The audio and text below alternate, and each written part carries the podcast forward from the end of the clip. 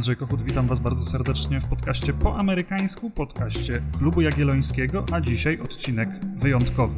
Wyjątkowy z dwóch powodów. Po pierwsze dlatego, że mamy 20. rocznicę zamachu na World Trade Center, tego momentu, kiedy cały świat obserwował samoloty wbijające się w bliźniacze wieże na Manhattanie, tej tragedii, która zmieniła nie tylko oblicze Ameryki, ale można powiedzieć również górnolotnie oblicze całego świata. To pierwszy powód. Drugi jest taki, że nie jestem dzisiaj sam. E, ze mną gość specjalny, Kamil Turecki, dziennikarz Onetu, a ostatnio również autor książki Przerwane milczenie na gruzach World Trade Center Polskie historie. Witam cię serdecznie, Kamil. Dzień dobry, witam cię.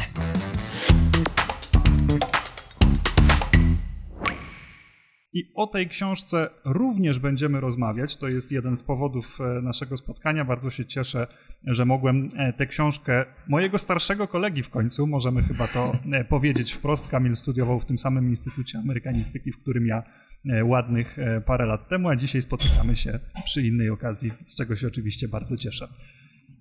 Ale zanim do tej książki przejdziemy, chciałbym jeszcze zacząć od tego, co jest najważniejsze, czyli od 11 września. 20 lat mija od momentu, e, kiedy e, to się zdarzyło. To powoduje, że 11 września stał się dla nas niejako wydarzeniem historycznym. Coraz częściej tak na to już e, patrzymy.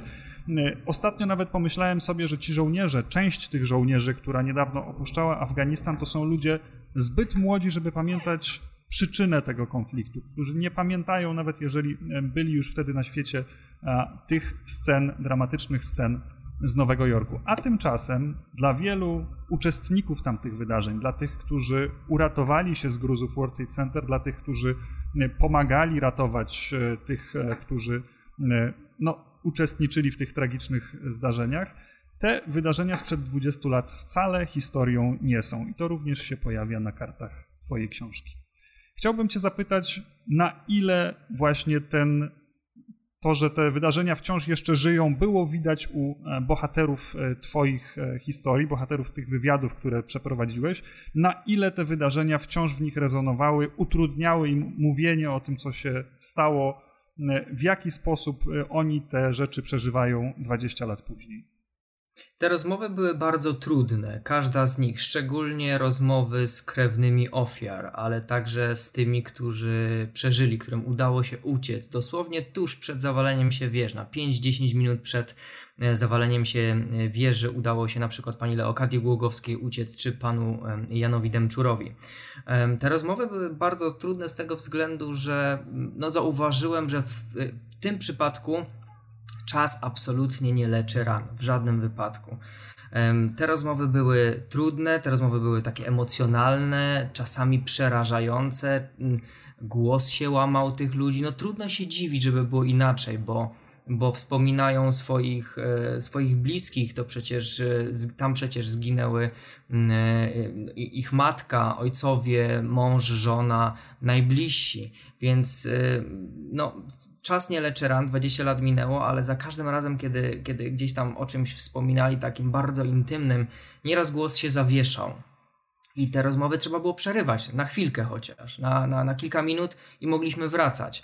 Więc y, to było bardzo trudne dla nich, ale również dla mnie, bo ja też się musiałem z, y, w pewnym sensie czegoś nauczyć. Nauczyć troszkę siebie, swojego jak ja będę reagował na to. Ja przecież nie jestem bliskim, ja nie jestem członkiem rodzin um, osób, które y, straciły bliskich w World Trade Center, ale te historie wywarły na mnie tak wielkie, tak mocne wrażenie, że po każdej skończonej rozmowie ja miałem łzy w oczach. Zacząłem się zastanawiać, miałem chwilę zadumy, refleksji, zacząłem się zastanawiać nad, nad kruchością życia. Andrzej, to jest, wiesz, mam 33 lata, i myślę o tym, że dziś jestem, a jutro mnie może nie być. To nie są takie częste przemyślenia człowieka w wieku 33 lat, więc y, bardzo to we mnie gdzieś tam też utkwiło, więc skoro we mnie na mnie to zrobiło tak mocne wrażenie, to tylko mogę się domyślać, jak piorunujące wrażenie to zrobiło na wszystkich tych, którzy, um, którzy brali w tym wszystkim w mniejszy lub większy sposób udział ale to tylko jakby jedna strona problemu, bo mówisz o tych trudnych wspomnieniach, które pozostały i o tym, jak e,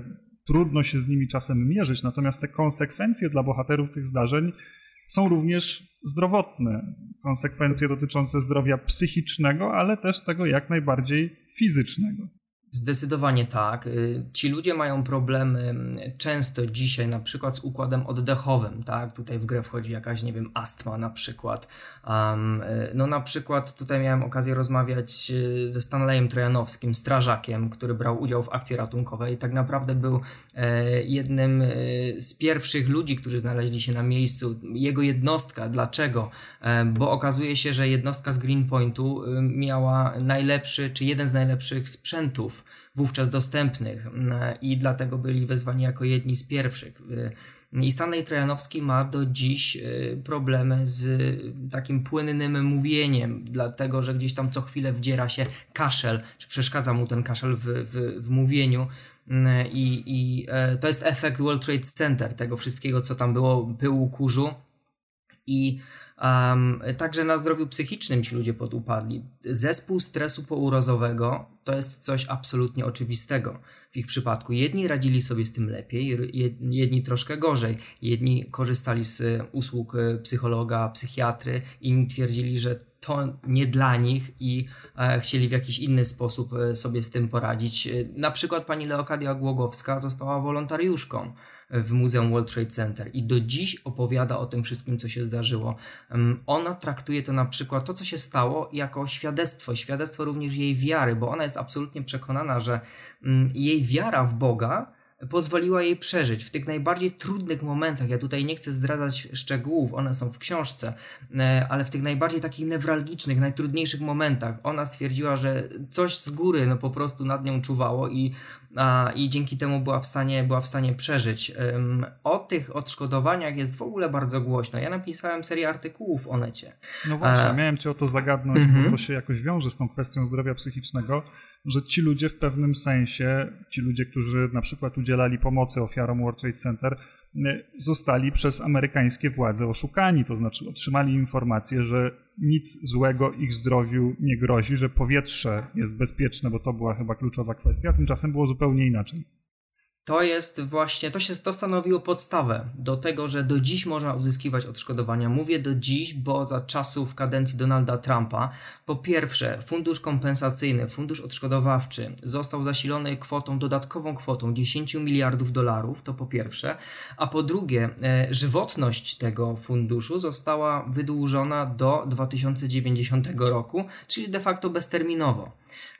A podstawą do uzyskiwania odszkodowań było właśnie to, o czym mówisz, czyli wypowiedzi amerykańskich władz, że ten kurz, pył, to wszystko, co było w powietrzu, to, co się paliło, to było nieszkodliwe dla, e, dla ludzi. Tymczasem rzeczywistość to wszystko zweryfikowała. Ktoś może od razu zapytać, no dobrze, ale jak to udowodnić, że, że ktoś, kto później po kilku latach na przykład miał jakieś, no, miał raka, tak, nowotwór, czy, czy um, miał problemy z układem gastrycznym, pokarmowym, układem um, oddechowym. Jak to ze sobą powiązać? No, ostatecznie gremium lekarzy stwierdziło i w ogóle badania naukowców, y, nawet niedawne z Uniwersytetu Cambridge, pokazują, że y, no nie ma przypadku. To, co się stało 11 września, miało absolutnie niebagatelny wpływ na, na zdrowie, jak to zarówno psychiczne, jak i fizyczne E, tych osób. E, no i e, ja gdzieś tam tym tematem zainteresowałem się w październiku 2019 roku, 18 roku, przepraszam. Zacząłem pisać serię artykułów o tym, że Polacy, Polki, Polacy wciąż mogą uzyskać gigantyczne odszkodowania za pracę w toksycznych warunkach World Trade Center. I po tej serii artykułów zgłosiło się do mnie ponad 100 osób. Um, I 15 e, z nich, 15 w zasadzie, e, uzyskało zielone światło ze strony amerykańskiej e, na uzyskanie odszkodowania w łącznej wysokości, uwaga, około 1,5 miliona dolarów. Milion dolarów już został wypłacony. E, a 500 tysięcy y, no, będzie wypłacone. Tutaj jest pytanie nie czy, a kiedy tak naprawdę. Więc 15 osobom udało się, udało się pomóc. To jest średnio 100 tysięcy dolarów na głowę. Ktoś może powiedzieć od razu, że e, no to nie jest jakaś oszałamiająca kwota na to, co się dzieje ze, zdrowiem tych ludzi, ale z drugiej strony wydaje mi się, że jeśli e, już chorować, ja zawsze tak powtarzam, jeśli już chorować, bo ci ludzie chorują na, naprawdę mm, bardzo trudno i mocno, no to lepiej z kasą niż bez. E, I te 100 tysięcy naprawdę. Zdecydowanie tym.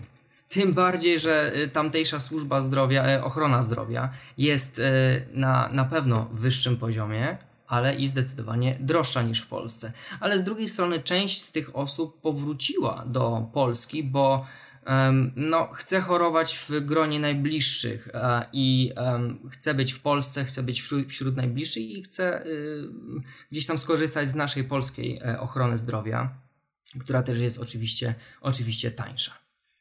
Ja nie chcę zbyt wiele zdradzać z tego, co się w książce znajduje, zachęcając oczywiście słuchaczy, wy sami po nią e, sięgnęli, ale myślę, że o jednej rzeczy muszę z Tobą porozmawiać, ponieważ ta mhm. książka e, ukrywa swoją zawartość i może warto e, zdradzić chociaż tyle, że taka zawartość się tam znajduje.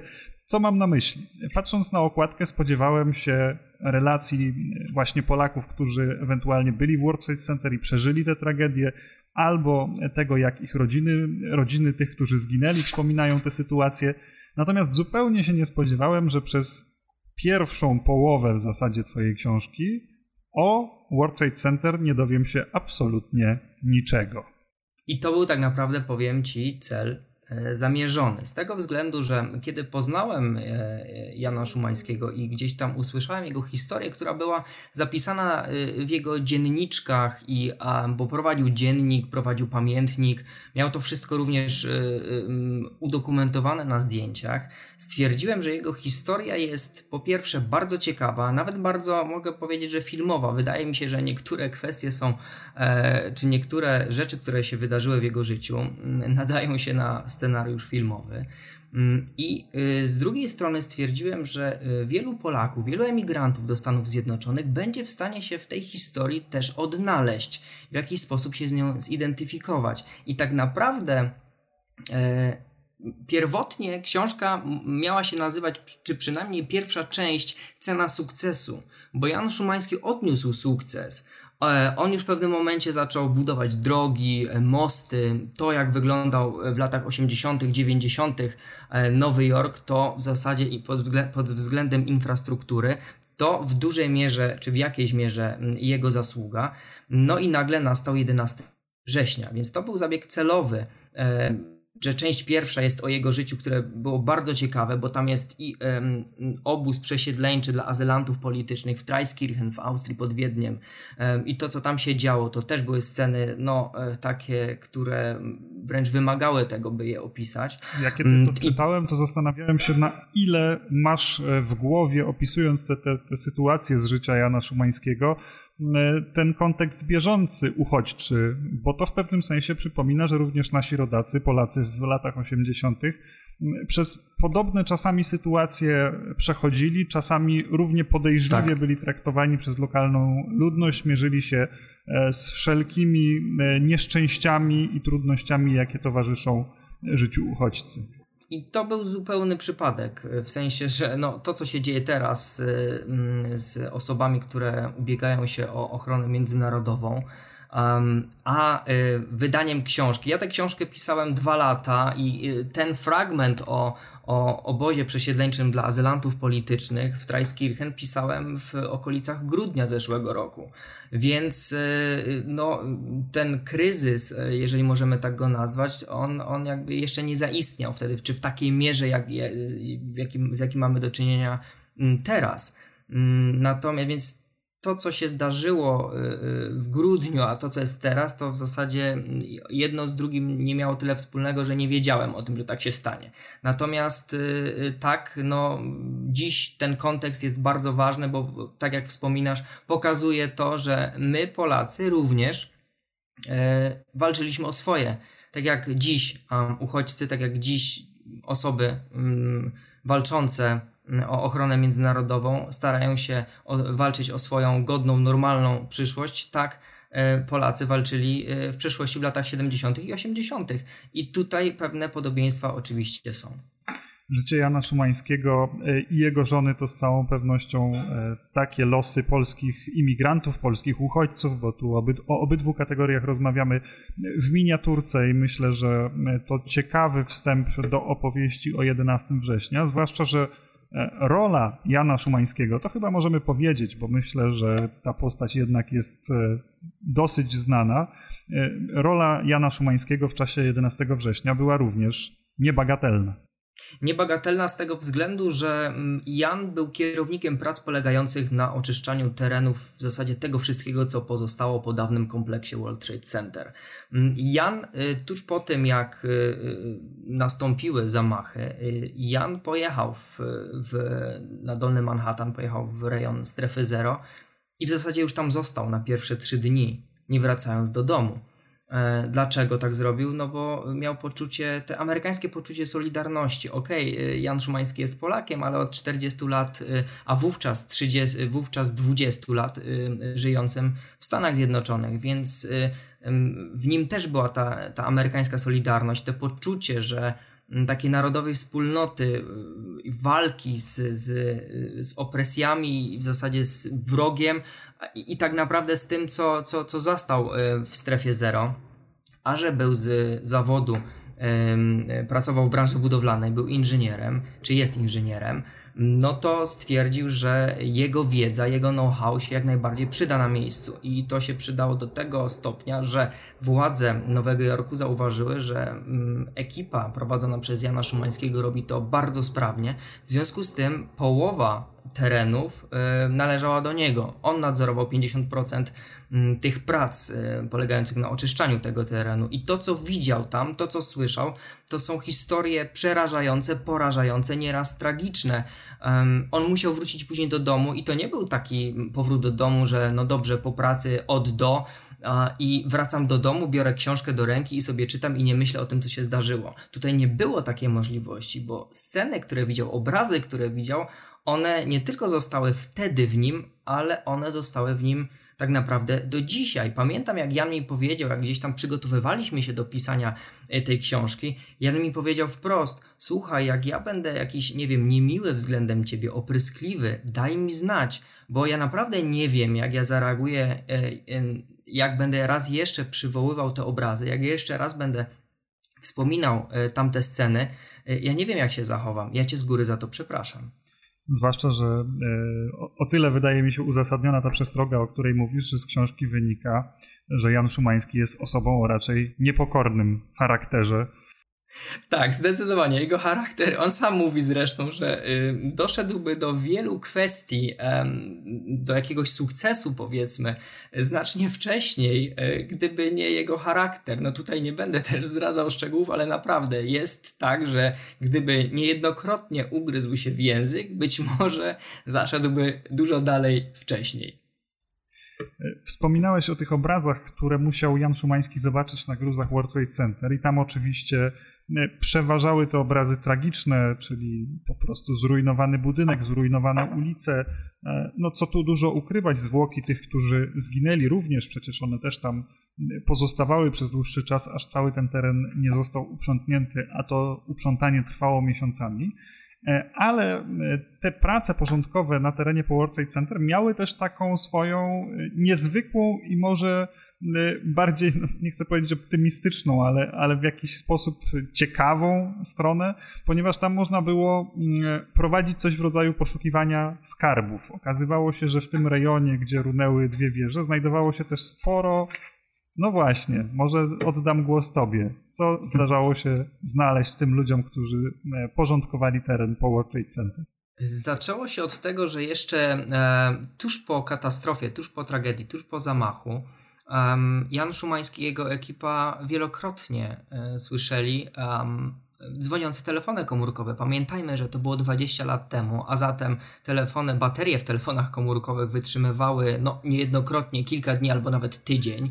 W związku z tym e, to było na początku takie bardzo przerażające dla niego, że ktoś jeszcze próbował um, się dodzwonić do, do kogoś, licząc na to, że po drugiej stronie usłyszy ten głos osoby poszukiwanej. To po pierwsze. Po drugie, e, kiedy, że tak powiem, prace e, szły gdzieś tam w głąb, no to Jan Szumański, a także inne ekipy y, no, znajdowały na przykład banknoty, na przykład rozbite bankomaty właśnie z banknotami, to były nie setki, to były tysiące dolarów. I Jan Szumański niejednokrotnie mi mówił, wiesz, moi, moja ekipa i, i gdzieś tam pozostali robotnicy mówili mi, Jan, ty jesteś głupi, ty jesteś idiotą, że nie bierzesz tego ze sobą. A Jan chciał mieć e, czyste sumienie i Jan te pieniądze po prostu oddawał e, służbom, policjantom, strażakom i tak dalej.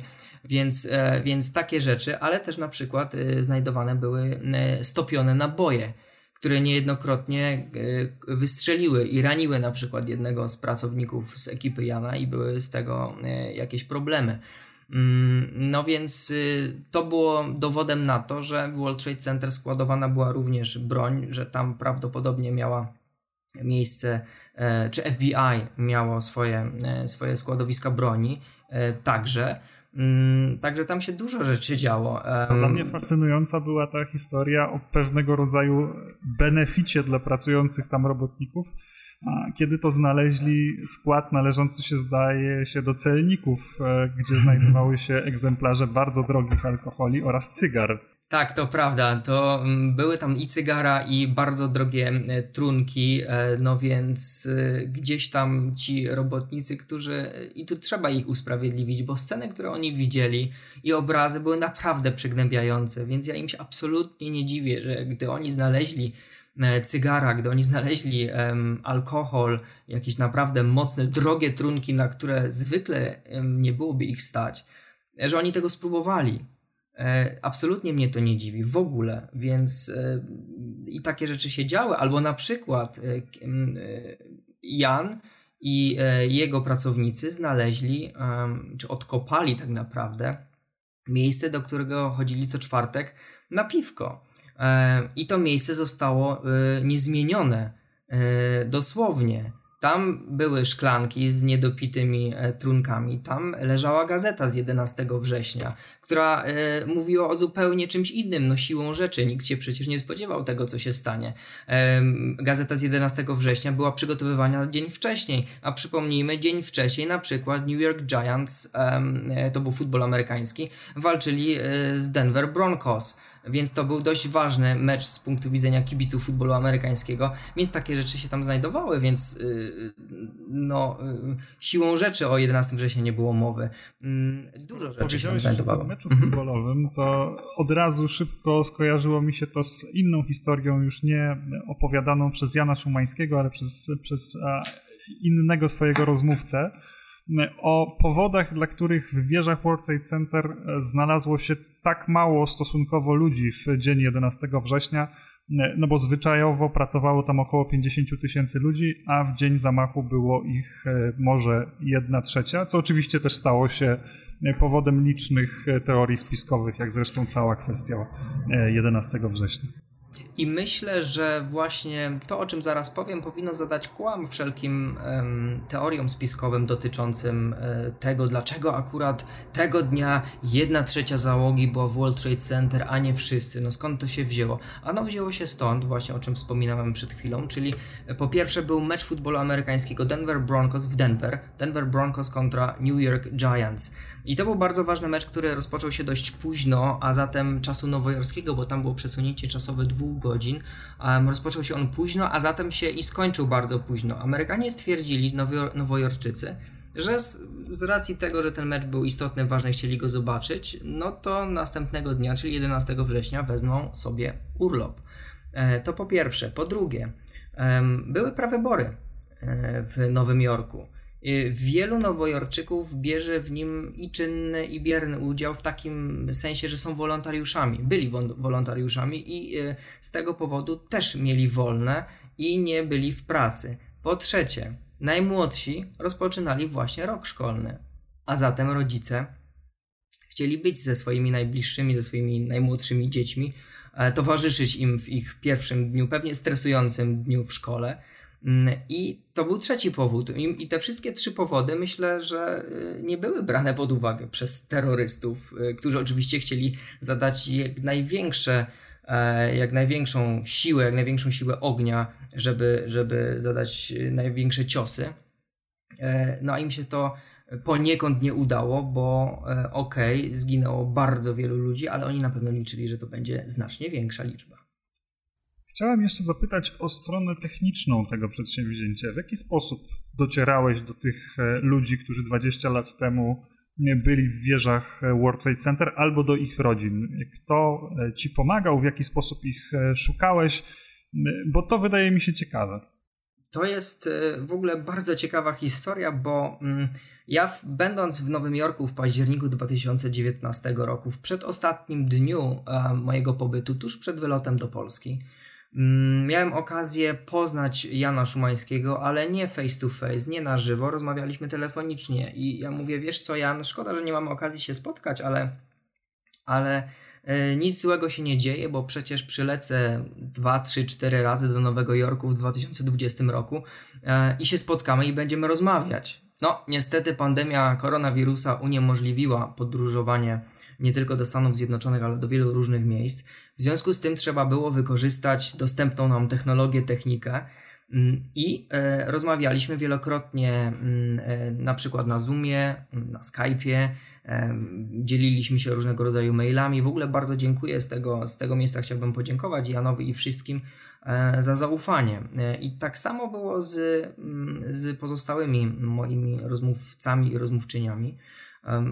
Gdzieś tam, jak ich spotkałem, e, e, pewne nazwiska funkcjonowały już w mediach. Ich historie były poniekąd znane, ale one były, miałem wrażenie, i to też był jeden z powodów, dlaczego napisałem książkę, były one niepełne mm, ale nazwiska już były znane. W związku z tym zacząłem, e, jak na dziennikarza przystało, zacząłem szukać, zgłębiać najpierw w internecie, później gdzieś tam w różnych przez różnych znajomych w, w Nowym Jorku i tak e, po nitce do kłębka i się udało. Mm, I to też było bardzo ciekawe, jeśli mogę powiedzieć o tym. Transformacja podejścia tych ludzi e, do mnie. Na początku siłą rzeczy, i w ogóle mnie to nie dziwi, mm, byli nieufni. Oczywiście nie wszyscy, ale mieli jakiś dystans e, względem mnie. Mm, na zasadzie, no, czego ten facet od nas oczekuje, czego od nas chce. E, I po kilku godzinach rozmów wiele razy słyszałem, Panie Kamilu, dziękujemy bardzo, że to właśnie Pan się tym zajmuje. Więc to było bardzo ciekawe doświadczenie również dla mnie, taka transformacja podejścia do mnie i ja też się musiałem nauczyć rozmawiać z tymi ludźmi, żeby nie popełnić też jakiegoś faux pas, bo to są bardzo trudne historie, bardzo intymne historie.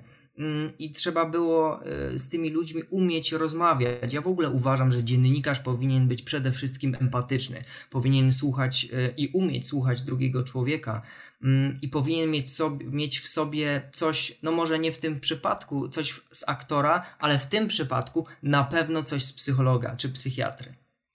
No, tym bardziej, że te rozmowy odbywały się, tak jak powiedziałeś, za pośrednictwem e, komputera, co jeszcze utrudnia tego rodzaju. Budowało dystans, prawda? Zgadza się. Na koniec tej rozmowy chciałbym Ci zadać jeszcze bardziej ogólne pytanie. E, odpowiedź zostawiam trochę Tobie, w sensie kierunek, w jakim pójdziesz z tą odpowiedzią. Chciałbym Cię zapytać, mhm. jak patrzysz na to, jak zmieniła się Ameryka po 11 września, bo to jest wydarzenie e, historyczne i każdy z nas ma pewne uzasadnienie, dlaczego to jest wydarzenie historyczne, dlaczego to jest pewien, pewien przełom, koniec pewnej epoki, początek pewnej epoki, ale ciekaw jestem Twojego spojrzenia na tę sprawę. Zależy też jeszcze, jak na to patrzeć. Jeśli chodzi, bo na kilku różnych płaszczyznach wydaje mi się, że należy to rozpatrywać. Pod względem politycznym, ale i takim stricte społecznym, bardzo życiowym. Pozwolę sobie zacząć od tego drugiego.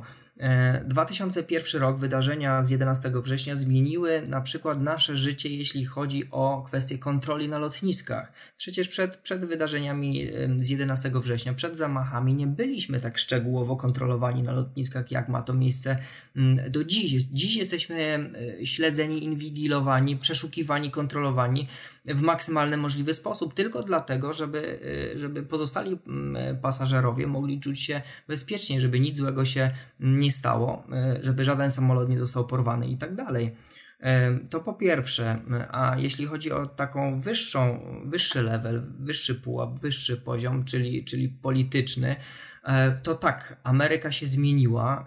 Zmieniło się mm, postrzeganie, wydaje mi się, y, Stanów Zjednoczonych na arenie międzynarodowej, bo oto nagle ta wielka Ameryka, te wielkie Stany Zjednoczone zostały zaatakowane. Coś, co wcześniej było przecież niemożliwe.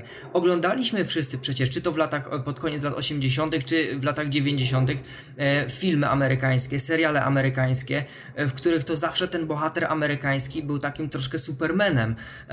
I, i nagle ta Ameryka E, która miała przecież być no, nie do zaatakowania, została zaatakowana, coś się zaczęło zmieniać. Tak samo zaczęło się zmieniać w, w samym narodzie amerykańskim, który widzi, widzieliśmy to chociażby w przypadku ostatnich wyborów prezydenckich. Jest bardzo spolaryzowane i wydaje mi się, że podejście samych Amerykanów do już nie polityków, ale tak zwanych zwykłych ludzi, do, e, e, do tego, jak powinna wyglądać polityka i, i, i w jaki sposób powinny się zachowywać Amery e, Amerykanie, jak powinni się zachowywać na arenie międzynarodowej, no to to świadczy o tym, że czy jest wynikiem działań z 11 września. Mm, podejście do, do interwencji w Afganistanie, podejście do interwencji w, w Iraku, do wojny w Iraku. E, to podzieliło również Amerykanów i również miało wpływ na to, co się działo w kolejnych latach i miało również wpływ na ich, ich portfel, na ich politykę wewnętrzną e, amerykańską i przez to Amerykanie zostali bardzo, bardzo podzieleni. A to, co się dzieje, działo w ostatnich dniach, w ostatnich tygodniach, te symboliczne zdjęcia mm, ostatniego amerykańskiego żołnierza opuszczającego Afganistan są bardzo wymowne. Mm, no, e, oczywiście, że to wszystko pójdzie na konto teraz Joe'ego Bidena, prezydenta Stanów Zjednoczonych, e, bo no, on był twarzą tego, tego wyjścia, ale nie zapominajmy też o tym, że decyzję o interwencji w Afganistanie podjął republikański prezydent George Bush, decyzję o wyjściu podjął republikański prezydent Donald Trump, a Joe Biden e, utrzymał to, te decyzje. To, w jaki sposób e, nastąpiło wyjście z Afganistanu, no moim zdaniem pozostawia wiele do życzenia i e, to naprawdę będzie historia, e, ta zostanie zapamiętana i Joe Biden zapisze się w historii jako ten prezydent, który, który sprawił, czy doprowadził do tego, że talibowie w ciągu zaledwie kilku dni zdobyli Kabul. I te 20 lat inwestycji w szkolenia, w zaopatrzenie, w afgańską armię, która miała być na wzór zachodni, nagle to wszystko spełzło na niczym.